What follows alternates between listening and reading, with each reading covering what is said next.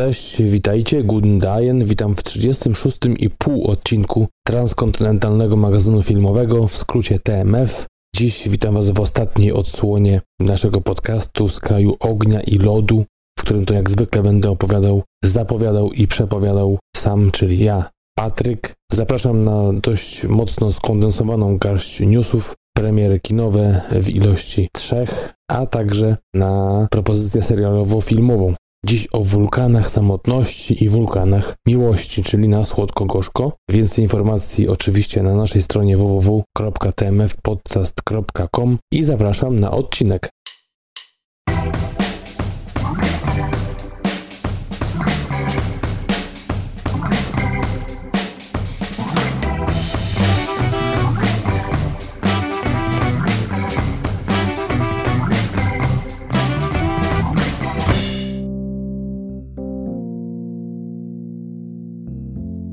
Także Guten Dayen, Guten Tag, Kwasery Gott, Zeitel. No, takie słowa przychodzą mi pierwsze na myśl, jak wspominam te swoje półtora roku na Islandii. Jak to wspomniałem w intrze, jest to ostatni odcinek z kraju ognia i lodu, czyli z Islandii. A tak naprawdę jestem już w Gdańsku, w swoim domu, już stąd nagrywam, ale z racji tego, że już przepowiedziałem wcześniej, że będzie jeszcze jeden islandzki odcinek, no to macie go właśnie dziś, żeby tak się porządnie pożegnać z tym krajem. Myślę, że z racji tego, że trochę tego w sensie tej kinematografii islandzkiej się naoglądałem i trochę jeszcze mam w swoich zasobach, to gdzieś pewnie od czasu do czasu wrócę. Gdzieś jakiś będzie flashbackowy może odcinek, jeśli coś się trafi, bo było też kilka tytułów gdzieś tam y, w moim notesiku, ale do dziś nie udało mi się czasami albo obejrzeć, albo no dostać, bo, bo też były proponowane, polecane mi pewne filmy, do których e, koniec końców nie dotarłem. No a dziś, e, tak jak mówię, dokładnie 5 dni temu wróciłem e, do kraju i prawdopodobnie teraz no, zaczynam nową pracę niedługo. Już od 1 kwietnia będzie to też praca wyjazdowa. Zobaczymy, jak to się ułoży. Wiadomo, nowa praca może być różnie. Może być krótko, może być długo. Nie wiem, jak to będzie w moim wypadku, ale wiadomo, nadzieja, nadzieja jest. Półtora roku, a dokładnie rok i siedem miesięcy tyle spędziłem na Islandii z naprawdę krótkimi trzema urlopami po 2-3 tygodnie w tym czasie, jeśli chodzi o wizyty w Polsce, także wydaje mi się, że jak to się mówi w cudzysłowie, liznąłem trochę tej wyspy, tego klimatu, ludzi. No, pewnie przeżyłem najcięższą zimę w swoim życiu, bo naprawdę chwilami było bardzo ciężko, a szczególnie mm, rok temu, a szczególnie końcówka grudnia, styczeń, ale i luty. W tym roku trochę słabiej, z tymi podmuchami wiatru czy śniegami, ale też były takie dni, że no uch, wolę nawet nie myśleć. Po prostu nie wychodziło się z domu. Myślę, że jest to kraina, do której jednak wydaje mi się, że gdyby nie ta praca, która mnie tutaj ściągnęła, do której nigdy bym chyba nie przyjechał. Nie są to zbytnio moje klimaty. Jakkolwiek jestem, może nie jak kameleon, ale naprawdę w różnych y, miejscach pracowałem, żyłem przez dłuższy czy krótszy czas i no jakoś y, no nie przekonuje mnie ten klimat, y, ale i też ludzie. Nie wiem, czy to był akurat taki rejon, jak pewnie kojarzycie, mieszkałem w Husawiku, w takiej bardzo wysuniętej na północ miejscowości oddalonej od Akureyri, czyli drugiego największego miasta na Islandii o około 95 km. Mieści na 2400 mieszkańców, niewielka. Oprócz tego, że, że jakby klimat mocno wydaje mi się antyrodzinny, w sensie jeśli ktoś jest tutaj od dawna i tutaj urodziły mu się dzieci, czy też żyje z pokolenia na pokolenie, to myślę, że to jest miejsce, gdzie można od urodzenia się przyzwyczaić, ale tak jak ja z żoną i z tym, że mamy małą trzyletnią córkę, która miałaby się tutaj odnaleźć, no nie bardzo, nie bardzo. Tym bardziej, że nie ma tutaj w mieście czy e, na wsi, czy jakby to nazwać, tutaj to jest jedna taka z większych miejscowości. Nie ma pediatry, a czasami dojazd do Akureyri jest mocno utrudniony, więc byłoby ciężko. Oprócz tego też dostęp do różnych produktów, leków no to też jakby nie sprzyjało temu klimatowi. Jak ktoś się nastawia po prostu na przygodę, no to jak będzie, to będzie, jak najwyżej to wracamy i tak trochę beztrosko podchodzi, to może da się jakoś nastawić ten mózg na, na takie fale, żeby tutaj spokojnie, z właśnie taką spokojną głową żyć, bo to, co na pewno można oddać temu i krajowi pewnie i też miejscu, to to, że jest tutaj spokojnie. Na pewno dobre miejsce na wyciszenie, ale takie praktycznie totalne. Oczywiście nie mówię o pogodzie, o tych za, zawiłych zimach, mocno burzowo, śnieżnych i wiatrowych, ale mówię o spokojności, o tym, że no na pewno jedną z rzeczy, która mnie zadziwia do dziś, było to, jak to właśnie zimą, w te zimowe wieczory, kiedy jechało się do sklepu spożywczego na zakupy, widziało się no naście, jak nie dziesiątki aut, po prostu odpalone. Nikt tutaj się nie przejmuje, żeby zamykać auta, żeby wyłączyć silnik i po prostu tak się robi zakupy, żeby po prostu grzało, żeby było ciepło po powrocie do samochodu, do auta. Nikt tutaj nie myśli o jakichś kradzieżach, o problemie z bezpieczeństwem, każdy się tu czuje swobodnie. Ja na pewno muszę powiedzieć, że przez te półtora roku no, coś takiego w sobie wypracowałem, taką spokojność, bezpieczeństwo. Też praktycznie bardzo rzadko zamykałem swój dom, w którym mieszkałem. No i to na pewno jest na plus. Uwielbiam tutejszą wodę z kranu. Nie wyobrażam sobie kupować y, w sklepie. Jest przepyszna i to jest to, co muszę też oddać temu krajowi, tej wyspie. To jest coś cudownego, naprawdę.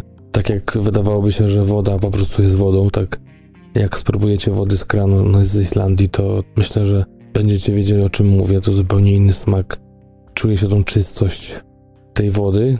Na pewno kilku przyjaciół tutaj mam, stąd przez ten cały czas, ale jednak w perspektywie tak wielu ludzi, których tu poznałem, myślę, że no dobre dziesiątki czy, czy setki, bo jakkolwiek jest to mała mieścina, to w naszej firmie, w której pracowałem, bardzo dużo ludzi się przewinęło, bardzo dużo przyjeżdżało, wyjeżdżało, więc znajomości niektóre zostały, niektóre, wiadomo, gdzieś tam się rozpłynęły, ale jest kilka sympatycznych osób, z którymi będę chciał utrzymywać kontakt. Oczywiście mówię też o Polakach, ale, ale też bardziej tutaj chcę powiedzieć o Islandczykach, że jest takich, no, dwóch, trzech może, a jednak większość gdzieś jakoś nie przypadło mi do gustu. Nie chcę tutaj teraz źle mówić o tej wyspie. Można powiedzieć, że dla mnie to jest już temat zamknięty. Islandia w jakiś sposób, więc nie będę tutaj zbytnio źle mówił, ale coś w tych ludziach jest jednak, że i mają się ich takie pomysły jak próby samobójcze, czy alkoholizm, czy gdzieś popadanie w seksoholizm, czy jakieś takie tematy czasami w ogóle niestworzone, jeśli chodzi o jakieś historie tego miasteczka. Z kilkoma osobami nazwaliśmy Husavik takim islandzkim odpowiednikiem Twin Peaks. Naprawdę tutaj przez y, historię przewinęły się różne historie, czasami mrożące krew w żyłach, czasami śmieszne, czasami po prostu wydające się mało logiczne, ale tak to tutaj jest y, i ci ludzie po bliższym poznaniu też gdzieś tam widać po nich, że coś takiego faktycznie może się w ich głowach rodzić. Ale są, wiadomo, też sytuacje ciekawe, śmieszne, gdzieś tam te różnice kulturowe powoli jak odkrywałem. Na przykład zdejmowanie butów wszędzie, przede wszystkim gdzieś w pracy na stołówkach, czy w szpitalu, w przychodni. No takie sytuacje dość komiczne czasami i też ludzie napływowi, a takich było sporo i jest nadal i pewnie będzie więcej coraz. Czasami nie potrafili tego zrozumieć. No jest to taki trochę pejzaż wiejski, też taka mała miasteczkowa mentalność ludzka. Czasami wychodzi w takich poważniejszych rozmowach y, z tutejszymi mieszkańcami. Przyznają przede wszystkim ci, którzy jakiś czas swojego życia spędzili poza granicami Islandii, na przykład w Stanach Zjednoczonych czy w Danii takich osób jest dużo, czy Norwegii, takimi osobami bardziej światłymi, czy takimi, które widziały więcej. Jeśli się rozmawia, to one wiedzą, jaki jest problem Islandii, takie zamknięcie na, na, na nowych i że jednak nie są oni zbytnio przyjaźni. Tak jak mówię, nie można generalizować. Też poznałem świetnych, wspaniałych ludzi, no ale taka chyba średnia to, to nie za bardzo, taka przyjazna. Chociaż na pierwszy rzut oka pewnie tak jest. Chociaż ja wiem, może tak jest wszędzie. Tak mówię tutaj o tych tutejszych ludziach, ale tak naprawdę tu, tutaj spędziłem najwięcej czasu. Nie było jeszcze innego kraju w moim 37-letnim już życiu, w którym spędziłem więcej czasu niż tu właśnie, oprócz Polski oczywiście, więc może też mam takie dziwne odniesienie. Byłem też w Irlandii kilka miesięcy, 4-5. Byłem w Holandii dłuższy okres, ale to nigdy nie było tak jak tu, mocne 19 miesięcy, także to dość ekstremalne. Też rozumiem to ukochanie tej wyspy, jeśli chodzi o kraj turystyczny, o tym, jeżeli ktoś lubi takie klimaty właśnie lodowcowe, górskie, wodospady, ciepłe źródła. No, ten klimat na pewno można pokochać na takim przyjeździe dwu, trzy tygodniowym, kiedy przyjeżdżasz i objeżdżasz całą wyspę w koło. Nie wydasz kupę kasy oczywiście, zwiedzisz coś, zobaczysz ciekawe rzeczy, zorzę polarną, która jest też przecudownym zdarzeniem, jeśli trafi się taka naprawdę yy, prawdziwego zdarzenia. Ale mówię, też było parę osób tutaj u nas, które przyjechały na te kilka tygodni, zachwyciły się wyspą, po czym wróciły po kilku miesiącach na stałe i po kolejnych kilku tygodniach czy miesiącach zdecydowały, że nie, to nie jest to. Ale mówię, myślę, że, że potrafię zrozumieć tych, którzy chcą tu zostać, a i tych, którzy chcą stąd wyjechać i nie czują się tu dobrze. To tyle, jeśli chodzi o, o moje takie odczucia związane z tutaj opuszczeniem wyspy. Myślę, że kiedyś wrócę, tak jak przed tą pracą powiedziałbym, że nigdy tu nie przyjadę, tak teraz, no przez to, że spędziłem tu trochę czasu i mam też jakieś tam raz znajomości, a dwa kontakty, czy takie rzeczy, które gdzieś tam mogą w przyszłości mnie związać, jak na przykład, nie wiem, może w przyszłości jakaś praca, chociaż szczerze wątpię, ale nigdy nie mówię nie. Nigdy nie mówię nigdy, przede wszystkim. Więc yy, chociaż tu chyba się zaprzeczyłem w tym zdaniu sobie, no, ale to nieważne w tej chwili. Przeważnie tak myślę, tak? Jakby wyjątek yy, potwierdza regułę.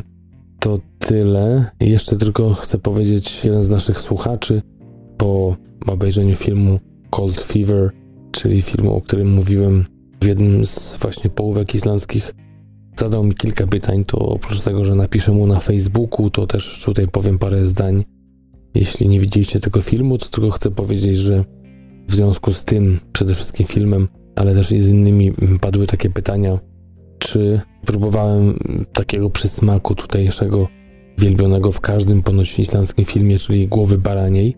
Nie, nie próbowałem, ale tak naprawdę to widziałem oczywiście to w filmie, ale nie słyszałem, żeby to był aż tak przysmak wielki jak zgniły rekin, który jest przechowywany w ziemi i właśnie po zgniciu potem pakowany jest w słoiki i taki właśnie surowy, zgniły rekin podawany przy bardzo niewielkiej obróbce. To jest coś, co mrozi krew w żyłach, jeśli chodzi o zapach i generalnie też smak. Drugie to jądra baranie, to też wyglądające jak mozzarella, taka w kostkach. Też yy, wiąże się z dość osobliwym wrażeniem. I tak jak mówię, głowy baranie nie próbowałem, Słyszałem, że, że jest dobra. Nie jest nic tutaj, jeśli chodzi o jakieś odruchy wymiotny w związku z zapachem czy samym smakiem. Nie jest to nic osobliwego, ale tak jak mówię, nie próbowałem, a rekina wąchałem, a jądra zjadłem. No, powiem szczerze, taki trochę właśnie taka przeleżana mozzarella, coś w ten deseń, chociaż smród był straszny. To takie dwie rzeczy, które próbowałem tutaj i to na pewno jest niesamowite wrażenie, estetyczne też. Jeśli chodzi o zapasy, które były ukazane w właśnie filmie Cold Fever, tam właśnie rozegrała się taka scena, jedna z ostatnich w filmie w barze, gdzie główny bohater przyjeżdża na noc i zasiada do takiej wspólnej biesiady z tutejszymi mieszkańcami i tam jest właśnie ukazana taka walka. Tutaj padło pytanie, czy jest to jakaś barowa rozrywka, jak lotki czy bilard. Nie, nie jest. E, rozmawiałem z kilkoma osobami. Jest coś takiego jak islandzkie zapasy. To faktycznie istnieje. Jak obejrzycie sobie ten film, to zobaczycie na czym to polega. Oni się tego uczą w szkołach, ale zawody już odbywają się normalnie w halach sportowych profesjonalnych. To nie jest taka zabawa czy zagrywka barowa. To zakłada się takie grube, szerokie pasy i jakby się siłuje, próbując podnieść przeciwnika właśnie za ten pas do góry. Jest tutaj taka scena odegrana, ale każdy, z którym rozmawiałem o tej scenie, mówił, że to prawdopodobnie po prostu zostało wrzucone w film, żeby pokazać, że jest coś takiego jak takie właśnie islandzkie zapasy. ale jednak to był duży przypadek, że to znalazło się w barze, bo jednak, tak jak mówię, to są tereny i hale sportowe, gdzie to jest faktycznie sport już teraz taki mniej popularny, ale kiedyś no, dość mocno znany i rozpowszechniany właśnie w szkołach, tak jak mówię, i zawody były na najwyższych poziomach y, krajowych i w ogóle mm, bardzo to był poważany sport, taki troszeczkę śmieszny, jak obejrzycie film.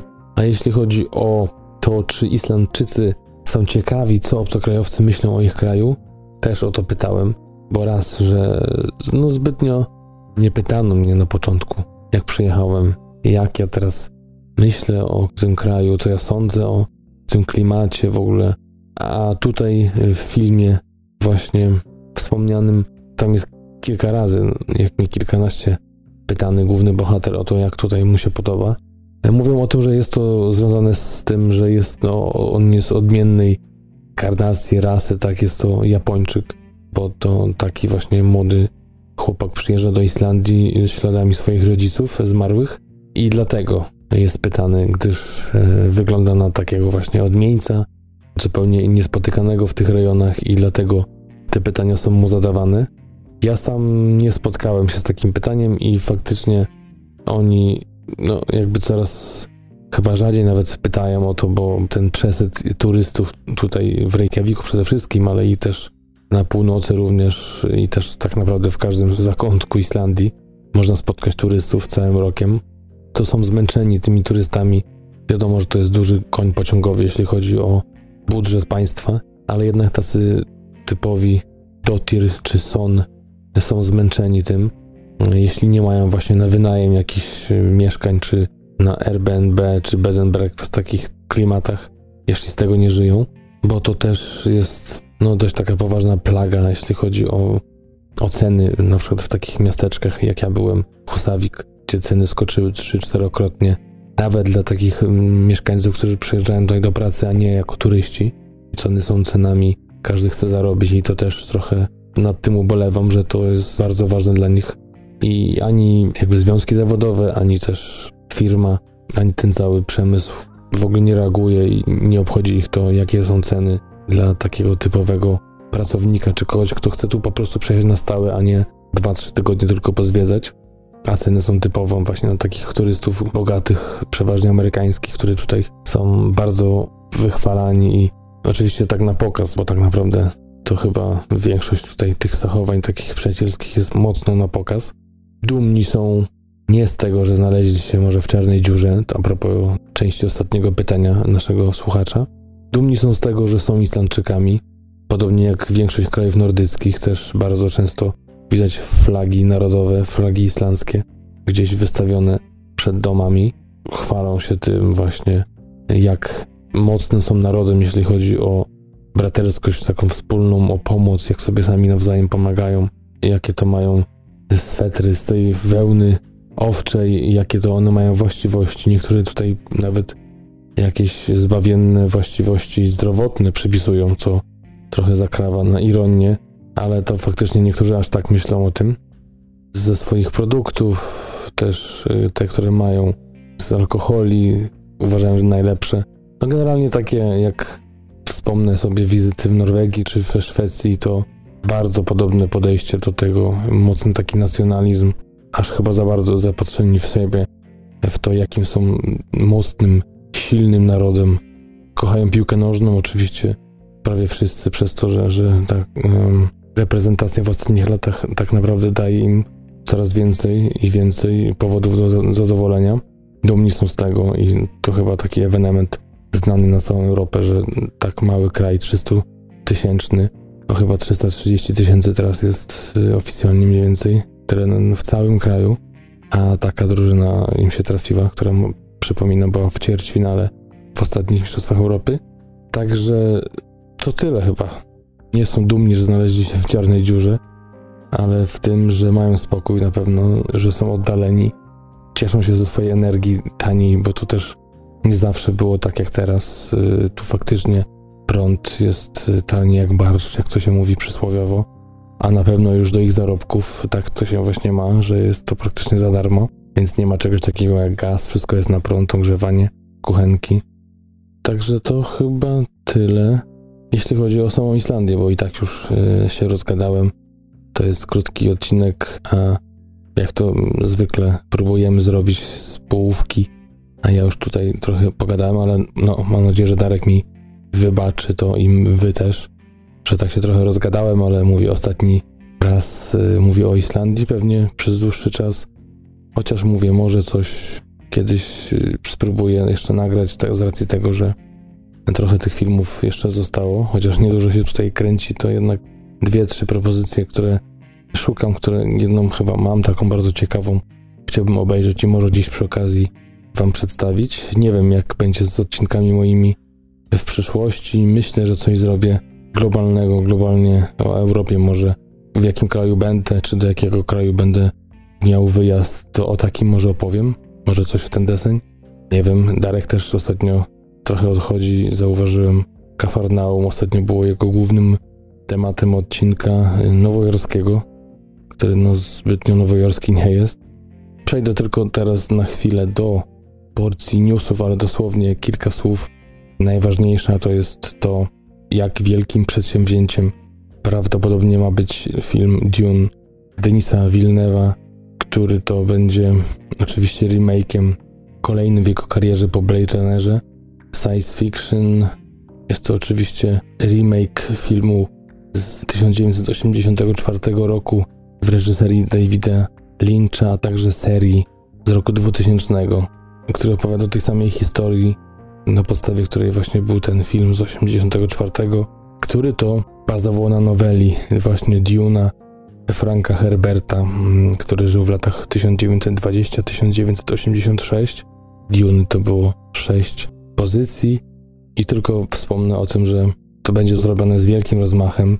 Zaplanowana jest premiera na listopad przyszłego roku 2020. Tak jak powiedziałem, reżyseria to Denis Villeneuve, o którym mówiliśmy w naszym jednym z odcinków o jego filmie Pogorzelisko, ale także i na przykład to był mój film roku 2017, czyli Blade Runner 2049 w jego reżyserii, ale i też inne filmy Sicario. Jeśli chodzi o autorów scenariusza, mamy tutaj oprócz y, reżysera też Erika Rota, czy też Johna Spade'a. John Spade y, to m.in. autor scenariusza do Prometeusza, czy też do filmu Doctor Strange z roku 2016, a Eric Roth to oczywiście wielokrotnie nominowany do Oscara i zdobywca Oscara za scenariusz do Foresta Gampa. Oprócz tego też w tym roku scenariusz do A Star is Born, czy Narodziny Gwiazdy, wspólnie z Bradleyem Cooperem czy Willem Fittersem też był nominowany właśnie za scenariusz wcześniej za Monachium między innymi, czy też Informatora i oni stworzą właśnie scenariusz na podstawie noweli Franka Herberta, a w bazie aktorskiej mamy naprawdę ogromne gwiazdy Oscara Isaaca, Jasona Mamoe, Zendaya, Josha Brolina, Rebecca Ferguson, Timothy Chalameta, Dave'a Batiste, Javiera Bardema, Stellana Skarsgarda, czy też Charlotte Rampling. Także naprawdę, naprawdę zapowiada się wielkie dzieło. Do tego muzyką ma zająć się Hans Zimmer. Chyba nikt dodać nic ująć. To tylko tak dwa słowa właśnie a propos tego filmu, bo to miałem powiedzieć w zeszłym swoim odcinku i zapomniałem, a to dość ważna pozycja dla mnie. Myślę, że też fani znajdą się czy aktorów, czy twórców tej produkcji i będą pewnie trzymać kciuki. Drugim newsem, dość nowym sprzed kilku dni jest to, iż Denzel Washington i Francis McDormand zagrają w filmie Joela Coena Macbeth. Jest to oczywiście adaptacja ikonicznego Szekspira, a Joel Cohen pierwszy raz oderwie się od swojego brata i będzie no, to jego debiut jako samodzielny, bez brata reżyser, scenarzysta i producent. Joel napisze sam oryginalny scenariusz na podstawie Szekspira. Oczywiście opowieść będzie o lordzie, w którego to wcieli się Washington, który zostaje przekonany przez trzy wiedźmy o tym, że zostanie królem Szkocji i wraz z, z pomocą swojej ambitnej żony, właśnie w tej roli McDormand, idzie po trupach właśnie, żeby to osiągnąć. To pewnie bardzo dobrze znacie, więc nie ma co tutaj za bardzo wchodzić w szczegóły tej fabuły. Zdjęcia do filmu mają rozpocząć się na początku 2020 roku, po tym jak właśnie wszyscy twórcy, między innymi i przede wszystkim Denzel Washington zakończą swoje projekty. Teraz ma na swoim widnokręgu projekt Little Things, a potem też ma zacząć pracę nad swoim nowym projektem reżyserskim Journal of Jordan w głównej roli z Michaelem B. Jordanem i po tym mają zasiąść właśnie w trójkę, oczywiście nie tylko w trójkę, do ekranizacji Macbeta, także to jest coś też na co ja wyczekuję. A trzecią wiadomością, tylko taką krótką wzmianką jest myślę ciekawa rzecz. Will Smith zagra ojca Venus oraz Sereny Williams, słynnego duetu tenisistek, które podbijały przez lata korty na całym świecie. King Richard tak złowieszczo czy żartobliwie mówili na i mówią nadal na ojca właśnie słynnych sióstr. Film będzie bazował na scenariuszu spod pióra Zaka Bailina i będzie oczywiście koncentrował się na tym, jak to Richard Williams z uporem i dość kontrowersyjny sposób, bez jakichkolwiek przygotowań wcześniejszych i kontaktu z tenisem, jak to on przygotował swoje córki do właśnie podbicia świata tenisowego i rozpoczął to, kiedy dziewczynki miały około 4 lat, bo jak pewnie wiecie, jedna jest starsza od drugiej o rok. Już w zeszłym roku, właśnie w 2018, ten scenariusz był na blackliście, czyli takiej liście scenariuszy, które nie zostały zrealizowane na drugim miejscu. No, dwa słowa tylko może o siostrach. Serena, jedna z największych w historii tego sportu, wygrała 23 tytuły wielkoszlemowe w singlu, rozpoczynając to od US Open w 1999. Venus z kolei 7 takich nagród w swojej karierze ma, rozpoczynając od Wimbledonu w roku 2000, a w sumie również siostry w deblu razem zdobyły 14 takich tytułów. Także to jest tyle na dziś. Niedużo, ale myślę, że, że dość ciekawie. Will Smith oczywiście teraz y, pracuje nad filmem Bad Boys for Life, y, który to przygotowania tego filmu można śledzić na YouTubie. Na swoim kanale udostępnia co chwilę to nowe wideo z tego, jak y, z Martinem Lorenzem i całą ekipą pracują na planie. Także to też jest coś, na co ja, wielki fan pierwszej części, czeka. Teraz przejdę do premier na 29 marca 2019 roku. No, w tym dniu weszło aż 9 tytułów. Wśród nich są takie pozycje jak trzeci film w karierze reżyserskiej aktora Ralpha Fiennesa pod tytułem Biały Kruk, który to jest biografią Rudolfa Nuriejewa, jednego z najsłynniejszych tancerzy w historii oraz jego słynnej ucieczce z Rosji próbach zatrzymania go przez KGB a także film z Kierą Knightley, czyli Aleksandrem Skarsgardem Aftermatch, czyli W domu innego, tak to przetłumaczyli nasi dystrybutorzy, będący melodramatem wojennym, gatunkiem dość ostatnio zapomnianym. Do wyboru jest też polski film, fabularyzowany dokument o biografii siostry Faustyny w reżyserii Michała Kondrata, Miłość i Miłosierdzie. Jednakże te filmy są albo już na samym początku bardzo słabo oceniane, albo no nie rokują, czy też zapowiadają się na klapę, a że są jeszcze inne trzy filmy przede wszystkim, które wyczekujecie, przynajmniej jeśli chodzi o listę film webu, takie filmy jak Przedszkolanka, The Kindergarten Teacher jest jednym z filmów, na które czekacie, także o tych trzech tylko wspomniałem wyżej. I właśnie teraz płynnie przechodzę do dramatu amerykańskiego z Maggie Gyllenhaal w roli głównej którego dystrybucją zajął się sam Netflix. Premiera tego filmu, czyli Przedszkolanki, odbyła się przy okazji festiwalu w Sundance już 18 stycznia 2018 roku, także no jakiś czas temu, żeby nie powiedzieć dawno. W Stanach i w Kanadzie została opublikowana na właśnie stronie potentata streamingowego, czyli Netflixa w październiku, a dokładnie 12 października 2018 roku. Teraz trafia do naszych kin. Akcja opowiada o tym, jak to nauczycielka w Nowym Jorku ma obsesję na punkcie jednego ze swoich uczniów, który jej zdaniem jest cudownym dzieckiem.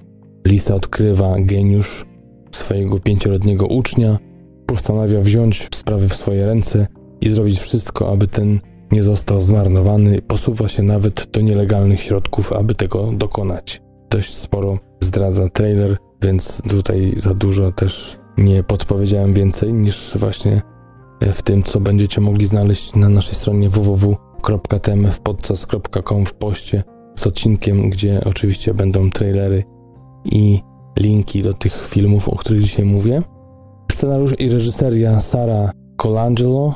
Jest to dla niej drugi pełnometrażowy film po Little Accidents z roku 2014, który z kolei był następstwem krótkometrażowego filmu pod tym samym tytułem z roku 2010, a z tym tytułem, z tym właśnie krótkim metrażem, który wylądował w Sundance, tam otrzymał nominację, a także nagrodę y, w San Francisco za ten właśnie krótkometrażowy film, a w przygotowaniach ma film też y, What is Life Worth, między innymi z Michaelem Keatonem czy też Stanleyem Tucim, opowiadającym o historii pomocy dla rodzin ofiar po słynnym zamachu 9-11 w Nowym Jorku, oczywiście zamachu terrorystycznym.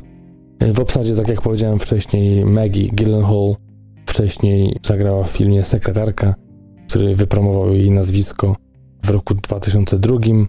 Oczywiście nominację do Oscara za rolę drugoplanową w filmie Szalone Serce z roku 2009, czy też zagrała w filmie Christophera Nolana Mroczny Rycerz w roku 2008 partneruje jej właśnie ten pięciolatek rezolutny, w którego wciela się Parker Sewak, dla którego jest to debiut zupełny, jeśli chodzi o kontakt z filmem, ale także Gael Garcia Bernal, Meksykanin, którego możecie kojarzyć z takich filmów jak I Twoją Matkę też, czy też Amores Peros, odpowiednio 2001-2000.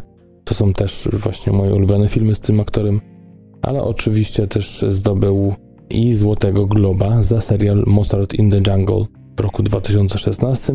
I oprócz tej trójki Libia Pugh, widziana w takim filmie jak Under the Sea z roku 2004, czy też z serialu Prawo i Porządek z lat 2007-2014.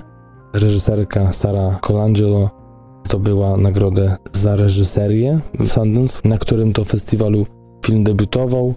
Film bazuje na scenariuszu, który był podstawą filmu produkcji izraelskiej sprzed y, pięciu lat, który wyszedł pod tym samym tytułem.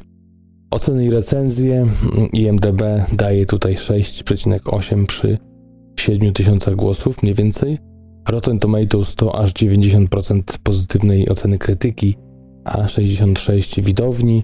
Film web to również jak IMDB solidne 6.8, chociaż bez rewelacji. Co mówią krytycy, jak to wygląda, jeśli chodzi o ich opinię. Mówi się o tym, że odkąd zagrała w niesamowitym swoim wejściu do świata Hollywoodu w 2002 roku Soderberga klasyce, czyli sekretarce, od tego czasu nie zagrała w niczym tak dobrze jak w tym filmie. Mówi się o tym, że jest to właśnie jej film.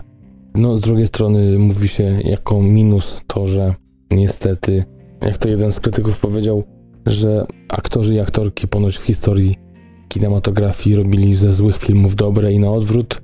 On uważa, że takich doświadczeń nie ma, ale właśnie w tej swojej wypowiedzi podkreśla, że to jest właśnie genialna rola, ale film dość średni.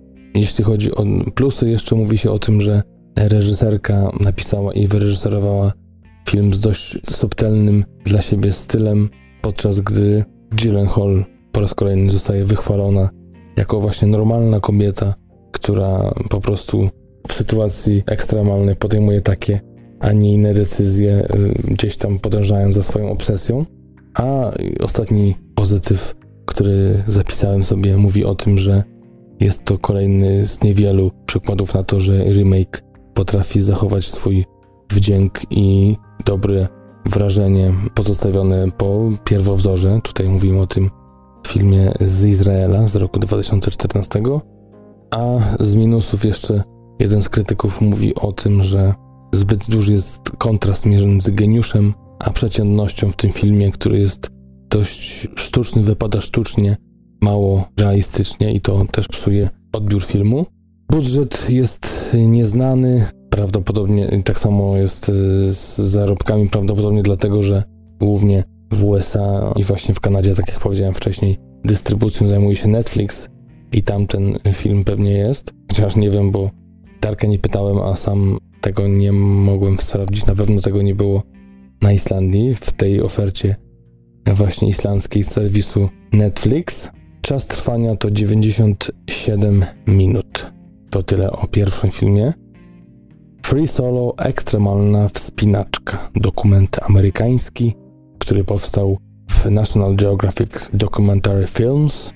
Film, który uroczystą premierę miał 31 sierpnia 2018 roku na festiwalu filmowym Telluride. Potem jeszcze miał swoją kolejną oficjalną premierę na festiwalu w Toronto 9 września minionego roku, a film opowiada o zapierającej w piersiach przygodzie i przerażającej wspinaczce na wysokość 2300 metrów po niemal pionowej skale i to bez zabezpieczenia o właśnie nieustraszonym Aleksie Honoldzie, który postanowił dokonać niemożliwego, spełnić swoje życiowe marzenie i wspiąć się na majestatyczny El Capitan w Parku Narodowym Joe Smith. Jest to pierwszy człowiek, który na świecie, który podejmuje próbę właśnie samotnej wspinaczki bez żadnych zabezpieczeń na ten właśnie El Capitan. Film, co tu dużo mówić, ponoć jest genialny. Tak mówią oceny, tak mówią krytycy, tak mówi kapituła Oscarowa, gdyż ten film właśnie zdobył Oscara za dokument roku 2018, a także no, zarobki przy nieznanym budżecie to ponad 20 milionów dolarów, więc jak na dokument to jest już, porównując tutaj do filmu, szczyt szczytów, więc naprawdę niesamowity wynik, jeśli chodzi właśnie o dokument. Po trailerze też wydaje się, że można poczuć tą ekstremalność tego wydarzenia, tego zdobywania szczytu i zdobywania marzeń przez właśnie głównego bohatera. Obsada. Oczywiście mamy tutaj Alexa Honolda, alpinistę, który wystąpił w wielu dokumentach, w sumie aż w 39 produkcjach krótkich i długich dokumentów prezentujących jego właśnie niesamowite wyczyny, ale jest to taki, no w pełni ten film jest takim jakby pierwszym filmem dokumentalnym, wcześniej głównie reportaże, ale także taki 50-kilkuminutowy film Buntownicy na krawędzi z 2014 wszędzie. Oczywiście był jakby sobą, y, tak jak mówię, to wszystko były dokumenty. Widzimy też jego dziewczynę i generalnie całe jego otoczenie, jak ono reaguje na te wszystkie jego wyczyny. Jeśli chodzi o twórców y, samego filmu, mamy tutaj Jimmy'ego China oraz Elizabeth Shea Varsaheli, którzy to są od kilku lat y, małżeństwem, mają dwójkę dzieci i oni właśnie wcześniej stworzyli przede wszystkim film dokumentalny Meru w roku 2015. Z tego słyną do dziś i tutaj no, słynęli do oczywiście nominacji Oscarowej oraz do zdobycia Oscara i teraz dalej potoczyli się ich kariera. Zobaczymy, będziemy śledzić. Ja też ten film mam zamiar obejrzeć. Wygląda ekstremalnie. Tak jak powiedziałem, Oscar za najlepszy dokument. Też z takich ciekawostek e, warto wiedzieć, że niesamowitym wyzwaniem było przygotowanie w ogóle do nagrywania, do tego jak uzyskać dźwięk w ogóle od e, Honolda, jak właśnie wyłapać tą całą jego podróż, tą całą wspinaczkę. Bardzo często był z daleka właśnie i od kamery, od aparatu, żeby mógł korzystać z bezprzewodowych mikrofonów. Wiadomo, że okablowanie w ogóle nie wchodziło w grę, gdyż nie mogło przeszkadzać jego wspinaczce. Rozwiązano ten problem przez to, iż zwrócili się do producenta nagrań dźwiękowych Jima Hulsta, który sam był e, alpinistą i on, no może nie dokładnie takie, ale też ekstremalnie musiał z boku przy Honoldzie wspinać się razem z nim, oczywiście przy użyciu zabezpieczeń, żeby i nagrywać i przede wszystkim zbierać dźwięk od Honolda, bo to też taki niemy film nie byłby żadnym ciekawym dokumentem zapewne. 99% krytyków i 94% widowni na Rotten Tomatoes, czyli 133 opinii na 135 aż jest pozytywnych, 8,3 na IMDb, 8,0 na Filmwebie i też jest to film, który trafił do takiej listy Filmweb poleca. Także no, musi być coś naprawdę na rzeczy, że tak wszyscy zachwalają ten film. Jeden z e, recenzentów powiedział, że gdyby nie to, że wiedział, że w momencie rozań Oscara Alex był żywy i na scenie z twórcami, to prawdopodobnie nie zdołałby obejrzeć tego filmu do końca. Tak trzymał w napięciu. Mówi się też o tym, że jest to oszałamiający film, zarówno jako dokument, ale i jako właśnie w warstwie wizualnej poraża. I ciekawy zarzut słyszałem do tego filmu, co myślę, że to też ma związek z filozofią podejścia do w ogóle spinaczki, do, do takich osiągnięć. To też jest mocno bliskie mojej żonie. Ja myślę, że też jestem bardziej w tym kierunku niż w tym takim e, wychwalaniu takich ludzi, czyli to, że Alex uosabia. No, może ja nie jestem, nie użyłbym takich mocnych słów, ale teraz cytuję krytyka, że Alex uosabia smutną i nędzną postawę w stosunku do życia i śmierci i tego, jakie znaczenie dla niego ma miłość, której niby film w milczeniu celebruje, bo przecież wybrał się w niesamowicie trudną wyprawę, wspinaczkę i tak naprawdę miał gdzieś, co na to jego dziewczyna, co się stanie, jak umrze i w ogóle ludzi wokół niego. Uważa, że to, co zrobił, jest fajne, ale to moralność ludzka tutaj chyba musi rozważyć bardziej niż to, czy ten film jest dobry, czy zły, bo to chyba raz, że recenzentowi się coś pomyliło, ale myślę, że bardzo ważny problem poruszył a propos tego właśnie wychwalania takiej wspinaczki, gdzie też właśnie, tak jak mówię, ja jestem daleko od tego. Czas trwania filmu to 96 minut, jak powiedziałem wcześniej, zarobki to ponad 20 milionów dolarów, także w każdy możliwy sposób ten film już wygrał. Jeżeli chcecie dołączyć do tej grupy ludzi zachwyconych czy też y, takich, którzy mówią dobrze o tym filmie, to, to chyba warto iść na ten film i się przekonać. A ostatni film, na którego premierę czeka najwięcej widzów ten weekend, to Dumbo, czyli familijne fantasy, klasyka Disneya, remake stworzony przez Tima Bartona. Film, który miał premierę 11 marca w Los Angeles, taką oficjalną. Także miał w Japonii 14 marca, we Francji 18 czy też w Londynie 21, także dość niedawno. Dystrybucją oczywiście zajmuje się Walt Disney Studios oraz Motion Pictures, a akcja opowiada o tym, jak były żołnierz Holt zostaje opiekunem cyrkowego słonia i z biegiem czasu jego dzieci odkrywają niesamowite zdolności Dumbo. Gdzieś tam podsłuchałem mimochodem pewne recenzje, że niepotrzebnie w tą historię wplątana jest jakaś śmierć, żołnierze, wojna, tego typu sprawy, które trochę zaburzają tą taką radość dziecięcego podejścia do tego filmu, jak to właśnie miało w przypadku y, oryginału. No ale to może kilka słów o tej krytyce później. Sam film, tak jak powiedziałem, to dzieło Tima Bartona, znanego przede wszystkim oczywiście jako autora y, filmów takich jak Sok z Żuka, z 1988, Edward Nożycoręki z 1990, czy też Gnijąca Panna Młoda, animacja z roku 2005, a też Batman, gdzie Michael Keaton był zresztą aktor, który tutaj też występuje właśnie tytułowym Batmanem. To są filmy Tima Bartona mocno wystające, to Darek powiedział, ale co ciekawe w swojej kolekcji, jeśli chodzi o Oscary, ma tylko nominacje do najlepszego filmu animowanego. I tak to właśnie jest e, z Gnijącą Panną Młodą, czy też z Frank Winnie z roku 2012, gdzie też właśnie był nominowany za film animowany. Obsada, mamy tutaj Danego DeVito, którego oczywiście widzieliśmy w filmie o Batmanie Bartona Powrót Batmana z 1992, czy też Wojna Państwa Rose z 1989, a niedługo zobaczymy go w filmie Trojaczki, gdzie zagra w sequelu Bliźniaków razem z Eddie Murphym i Arnoldem Schwarzeneggerem. Oprócz tego Eva Green, czyli Casino Royale z roku 2006, czy też Marzyciele z roku 2003.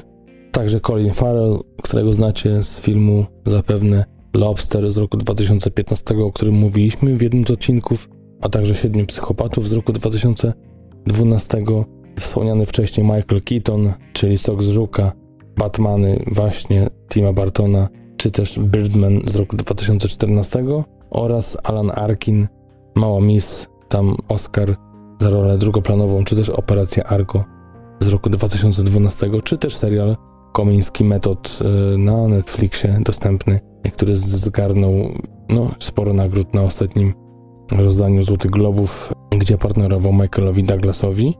Dla Tima Bartona jest to pierwszy live action remake, który tworzy dla Disneya, nie licząc oczywiście Alicji w Krainie Czarów, który to był sequelem oryginału z roku 1950. Jest to druga wersja live action, jeśli chodzi o Dumbo, a pierwsza to był serial z 1985 roku Dumbo's Circus. Rolę w filmie odrzucili m.in. Will Smith, Tom Hanks czy też Chris Pine. Film kręcony był od lipca do listopada 2017 roku i kręcony był w Anglii, Wielkiej Brytanii, przede wszystkim w Cardington i w mieście Iver. Recenzje oraz oceny mamy tutaj 6.8 na IMDb przy 2,7 tysiąca głosów. Na Rotten Tomatoes jest to dość słabo, 51% krytyków, 63% widowni. Na Filmwebie 6,8 na samym początku wyświetlania. Jeśli chodzi o minusy, krytycy mówią o tym, że zabrakło elementu bajkowego i nie bardzo ruszyło jednego właśnie z krytyków emocjonalnie. To najnowsze dzieło. Jeden z krytyków dość ciekawy mówi o tym, że jest to powrót Tima Bartona i Kitona do współpracy, którzy na przykład świetnie zagrali razem.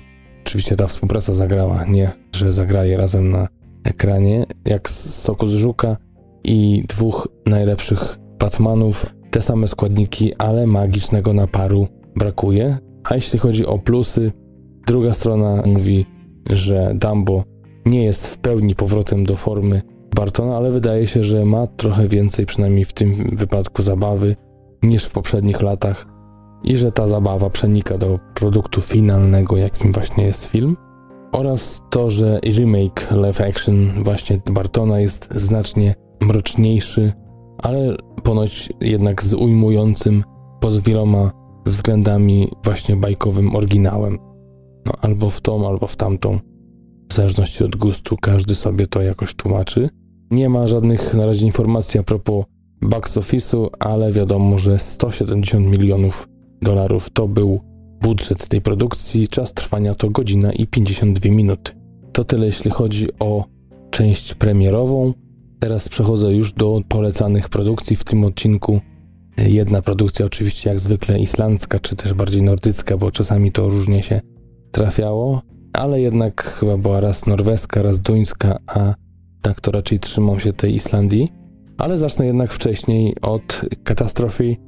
To brytyjska komedia stacji Channel 4, która jest dystrybuowana teraz przez Amazon Prime, a właśnie początek był w tej stacji Channel 4.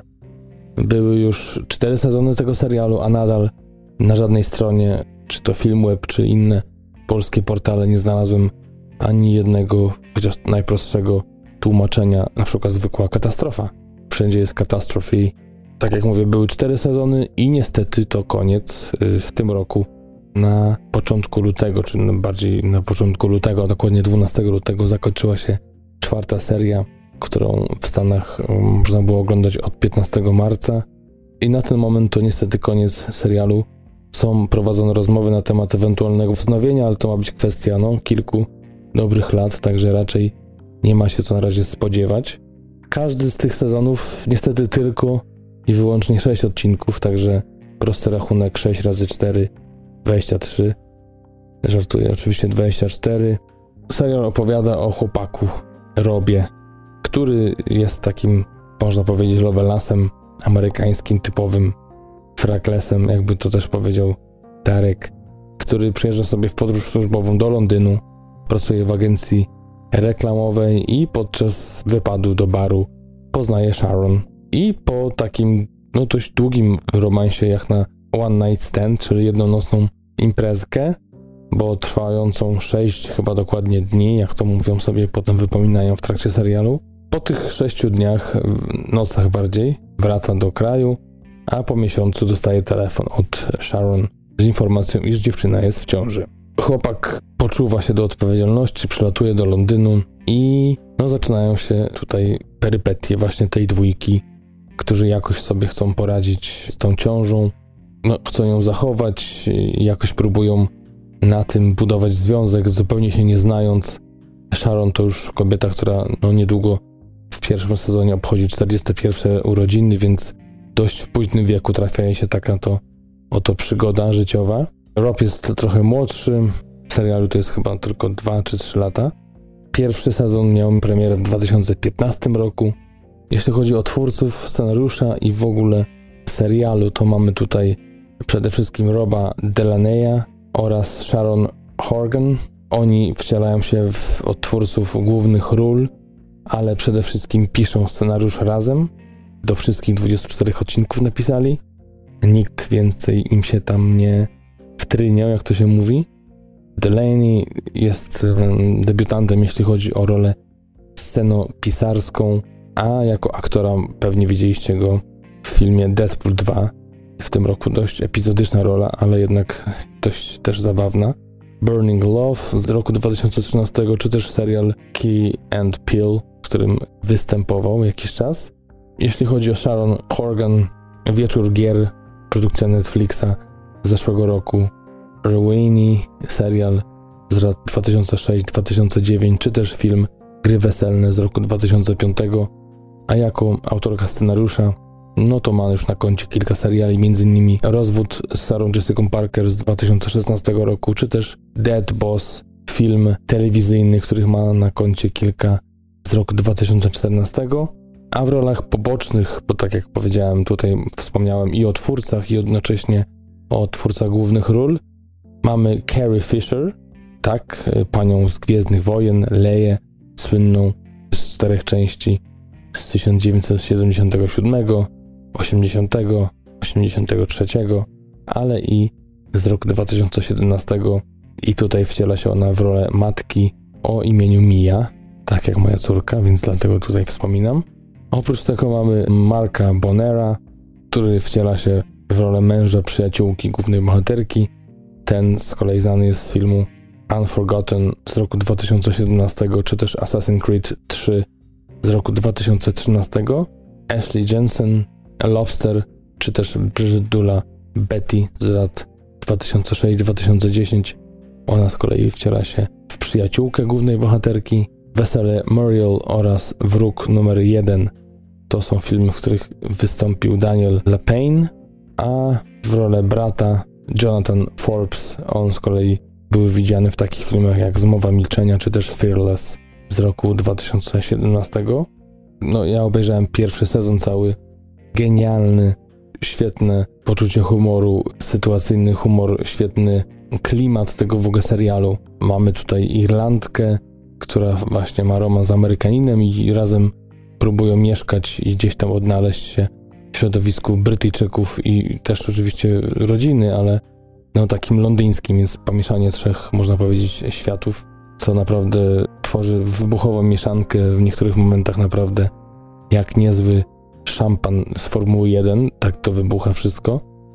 Jest to ostatnia rola Carrie Fisher, która skończyła swój udział na sezonie trzecim. Ryan Reynolds osobiście zaoferował rolę Petera, jak może kojarzycie, w Deadpoolu 2, właśnie Robowi Delaneyowi, właśnie po tym jak zobaczył go w tym serialu. A w ogóle dwójka Sharon oraz Rob, czyli scenarzyści, poznali się na Twitterze. To też ciekawe. Jeszcze jedna ciekawostka jest taka, że właśnie, która wiąże się z serialem, to to, że Rob jest niepijącym alkoholikiem, a tak naprawdę potem się okazało, że tak samo jest w prawdziwym życiu. A Sharon, współautorka scenariusza, pisząc jego rolę, wcale nie wiedziała o tym, a potem okazało się, że właśnie no, trafiła w to, że faktycznie pewnie będzie mógł się dobrze wczuć w tą rolę, gdyż no, podobne perypetie przydarzyły mu się, czy trwają w życiu. Jeśli chodzi o nagrody, nominowany był ten serial kilkukrotnie do dwóch nagród, jeśli chodzi o Emmy. Carrie Fisher była nominowana jako aktorka gościnna, a także za scenariusz w 2016 roku, a w 2018 do BAFTY jako najlepszy scenariusz. Tutaj była nominacja dla właśnie Sharon za rolę oraz scenariusz, a w 2016, czyli dwa lata wcześniej, nominowana była Sharon Horgan właśnie za występ w pierwszej serii.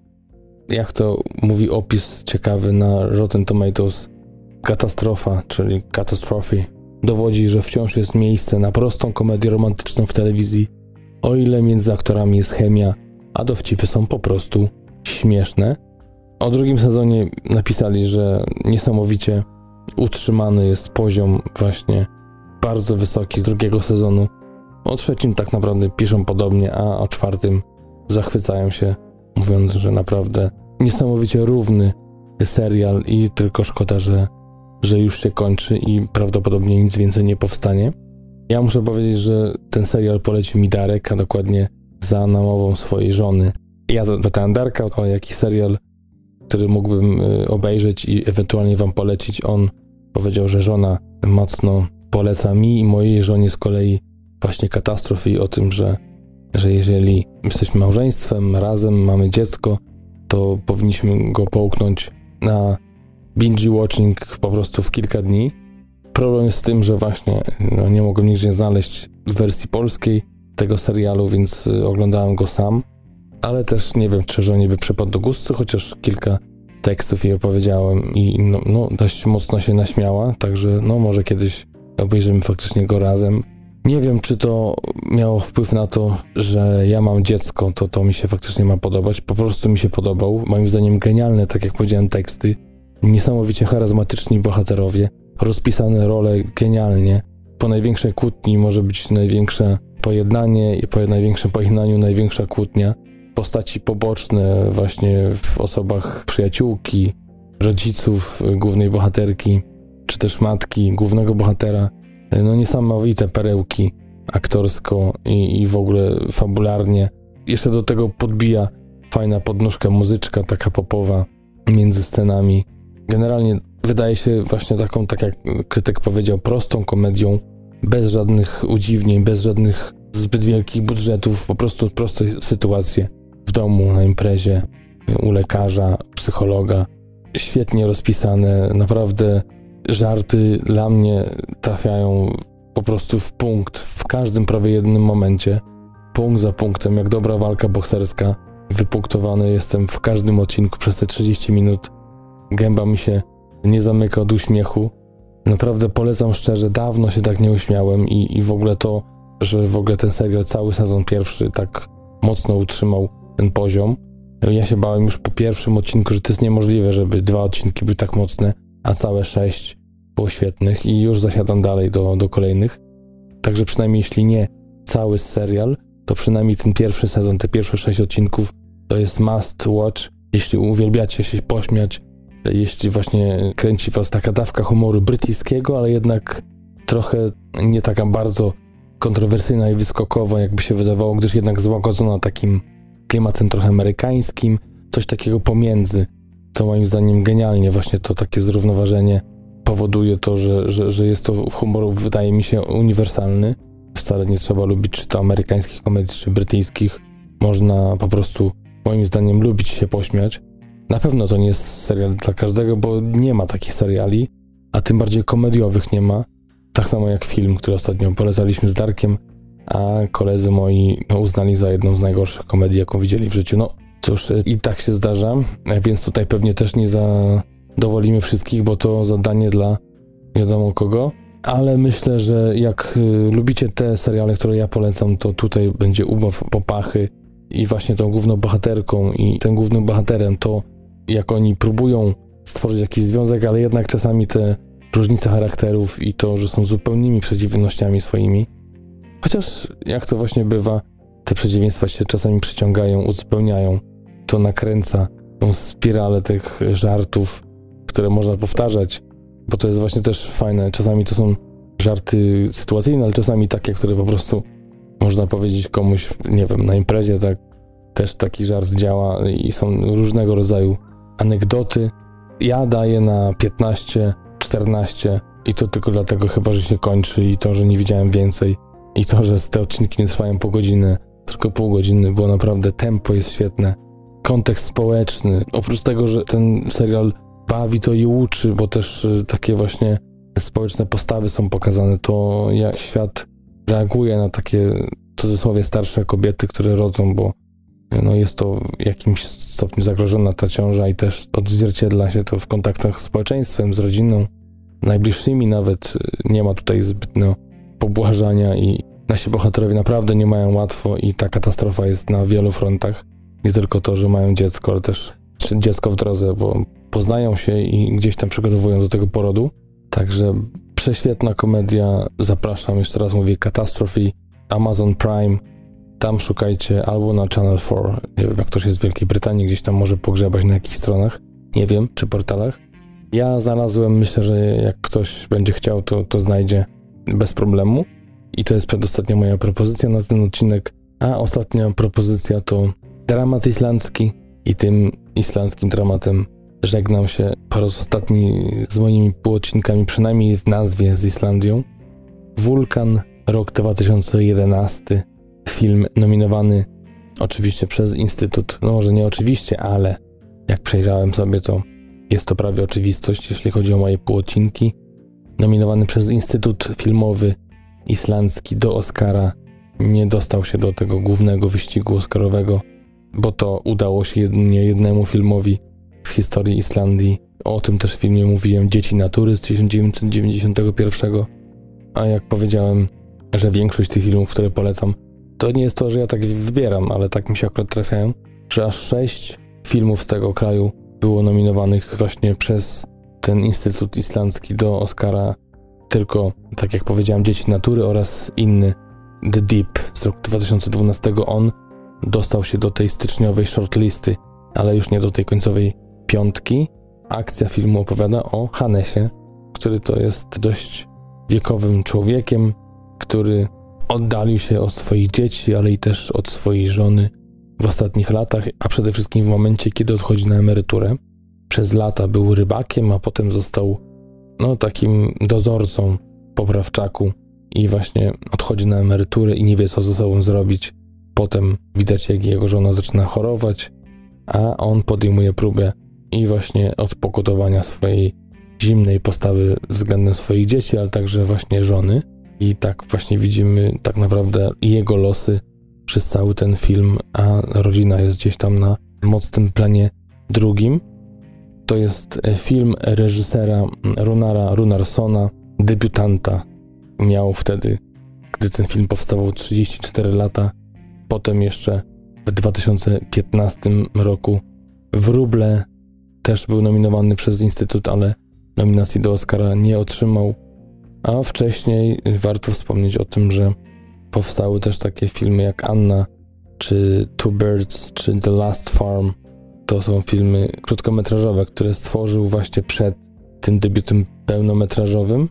Ostatnia Farma, o której mówiłem, rok 2004, przyniosła mu nominację do Oscara za film krótkometrażowy, także to jest też w takim razie jeden z bardziej docenionych twórców islandzkich, bo tu nie często się zdarza właśnie nominacja dla tego kraju. W 2011 roku ten film zadebiutował na festiwalu w Cannes i Runar Runarsson miał nominację do Złotej Kamery i też nagrody właśnie na tym festiwalu. Na EDA Awards, czyli corocznym festiwalu islandzkim filmowym, zgarnął ten film aż 5 nagród, w tym najlepszy film, czy też reżyser roku, czy też scenariusz oraz aktor i aktorka, także no można powiedzieć takiego pokera, jak to się mówi w slangu tym oscarowym.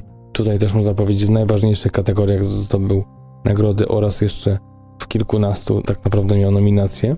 30 września 2011 roku miał premierę na Islandii. W Polsce to było dość niedawno, bo przy okazji jednego z festiwali 18 lutego 2016 roku Ciekawostka mnie rozbroiła na Filmwebie, gdzie napisane było film kręcony był na Islandii. Tak szczęka troszkę mi opadła, no bo gdzie może być kręcony film islandzki, albo jak bardzo ciekawym jest, może być fakt, że film islandzki jest kręcony na Islandii. Obsada. Theodor Juliusson, ten właśnie wcielił się w Hannesa, a później zagrał w filmie Na Głębinie, właśnie The Deep, o którym mówiłem wcześniej, czy też Barany Islandzka opowieść z roku 2015. To jest na przykład jeden z filmów, o których nie powiedziałem, ale na początku wydawał mi się bardzo znany, ale to chyba przeliczyłem się, czy się nie doliczyłem tego, że dla mnie, jako kogoś, kto jest spoza Islandii, był znany wcześniej, przed moim przyjazdem tutaj, ale generalnie na Filmwebie też mało osób zagłosowało na ten film, jeśli chodzi o wydanie oceny. Może kiedyś właśnie do, do, tego filmu wrócę, gdyż to może nie jest najlepszym filmem, jaki widziałem z Islandii, ale takim filmem, nad którym można przysiąść nawet nie koncentrując się na tym, że, że tu musi być półodcinek islandzki i o Islandii. Po prostu świetny film. Także może do niego wrócę. Margaret Helga Johannes Dottir. Ta pani zagrała tutaj właśnie żonę Hannesa, a wcześniej w takim filmie jak Anioł Wszechświata z roku 2000, o którym mówiłem, czy też pan Bjarn Fredarsson z roku 2009.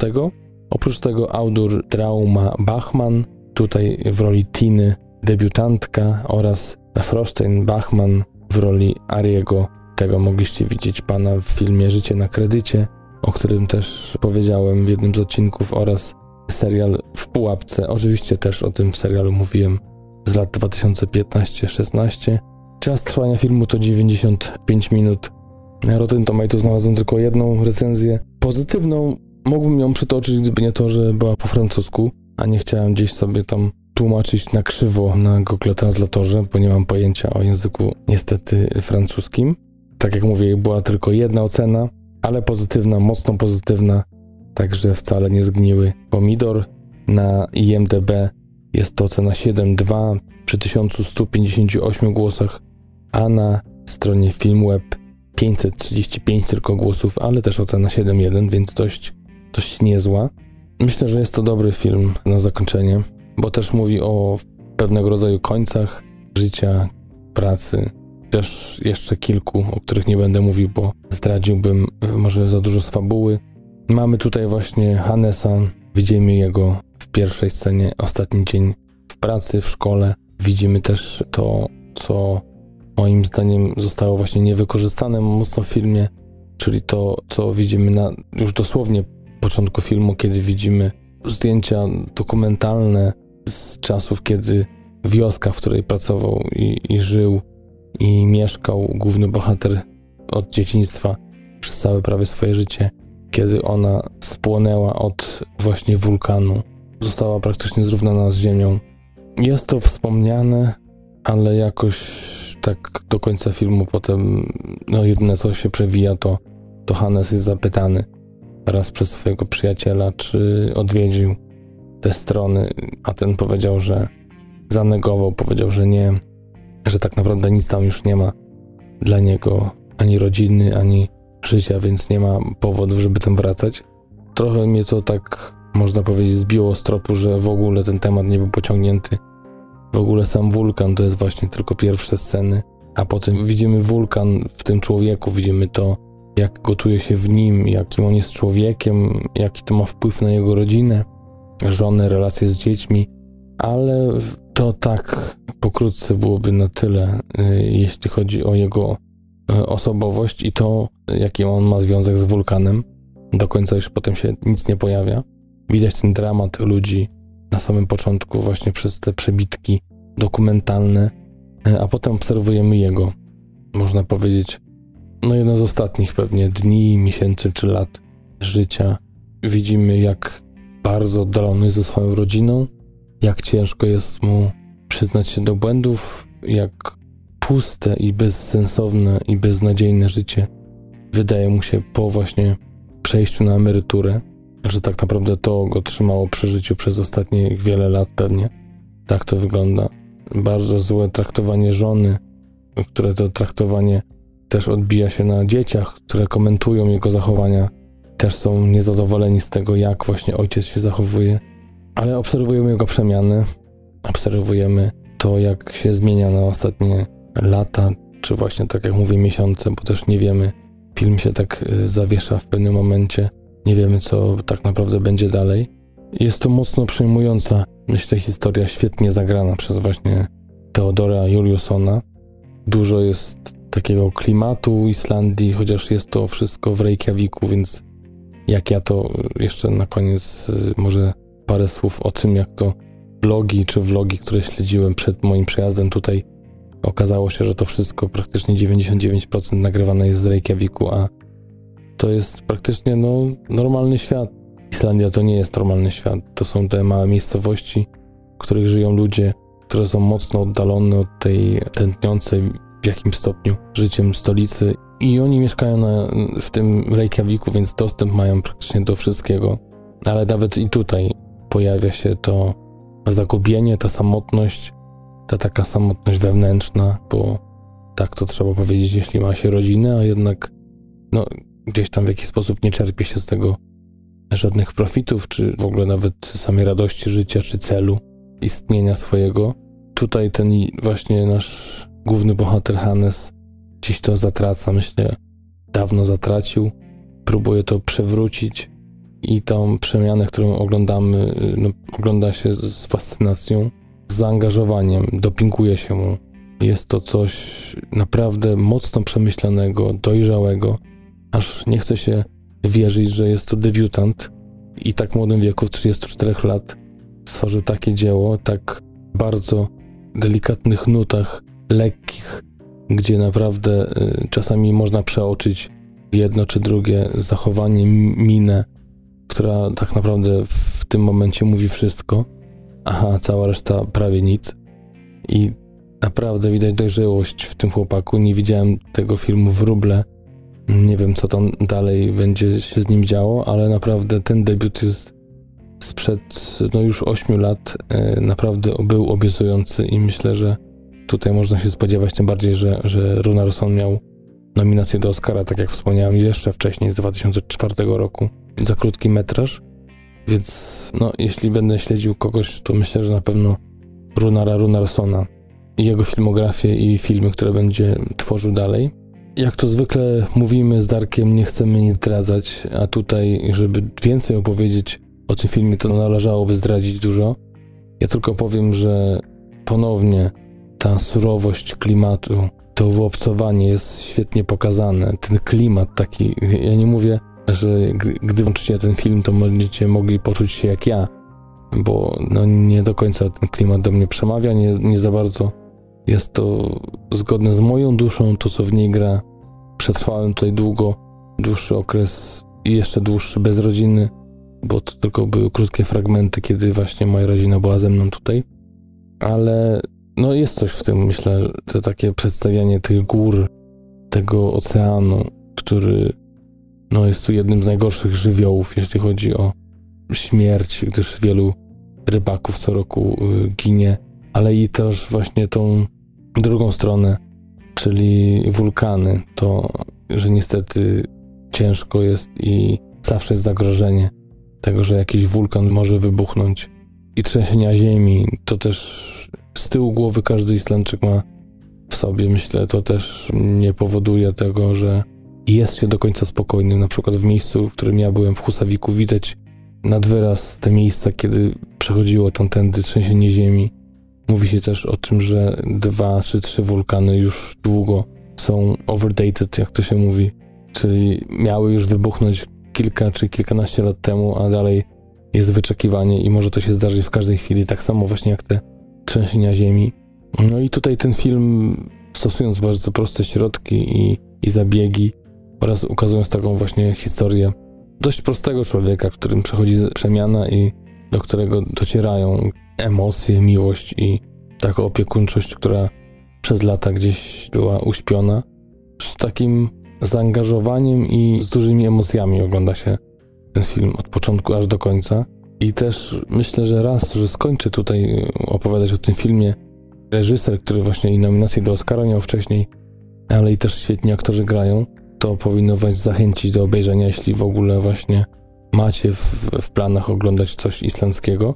A dwa, jeszcze jest jedna rzecz, która jest dla mnie bardzo ciekawa. To jest to, że ten film powstał rok wcześniej od miłości Hanekego, a bardzo dużo przede wszystkim tych kluczowych momentów jest podobnych.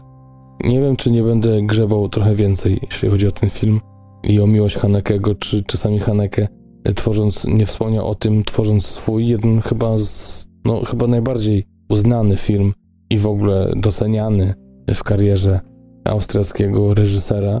Podobieństwo momentami jest tak duże, że aż mieciarki przeszły, że może jest szansa, że, że, że Haneke no ściągał po prostu z tego filmu. to byłoby niesamowite, jeżeli można by do tego dojść. Czy to tak faktycznie było, czy to jednak y, zbieg okoliczności, że takie różne właśnie rozwiązania fabularne są bardzo podobne w tych dwóch filmach, chociaż generalnie film jest inny, ale, ale te najmocniejsze momenty ma wspólne. I to tyle. Żegnam się tym trochę przedługim odcinkiem z Islandią, ale mam nadzieję, że wybaczycie mi, tak jak mówię, zobaczę co będzie potem, jakie plany przyszłość przyniesie, co wymyślę na kolejne pół odcinki, na pewno coś będzie. Zobaczymy, już w najbliższym czasie jadę do Czech z nowej pracy na kilka tygodni, więc może coś czeskiego nagram, kto wie. Może coś o kryciku, a nie, to chyba za bardzo znane, ale, ale może, może coś, coś w tym deseń.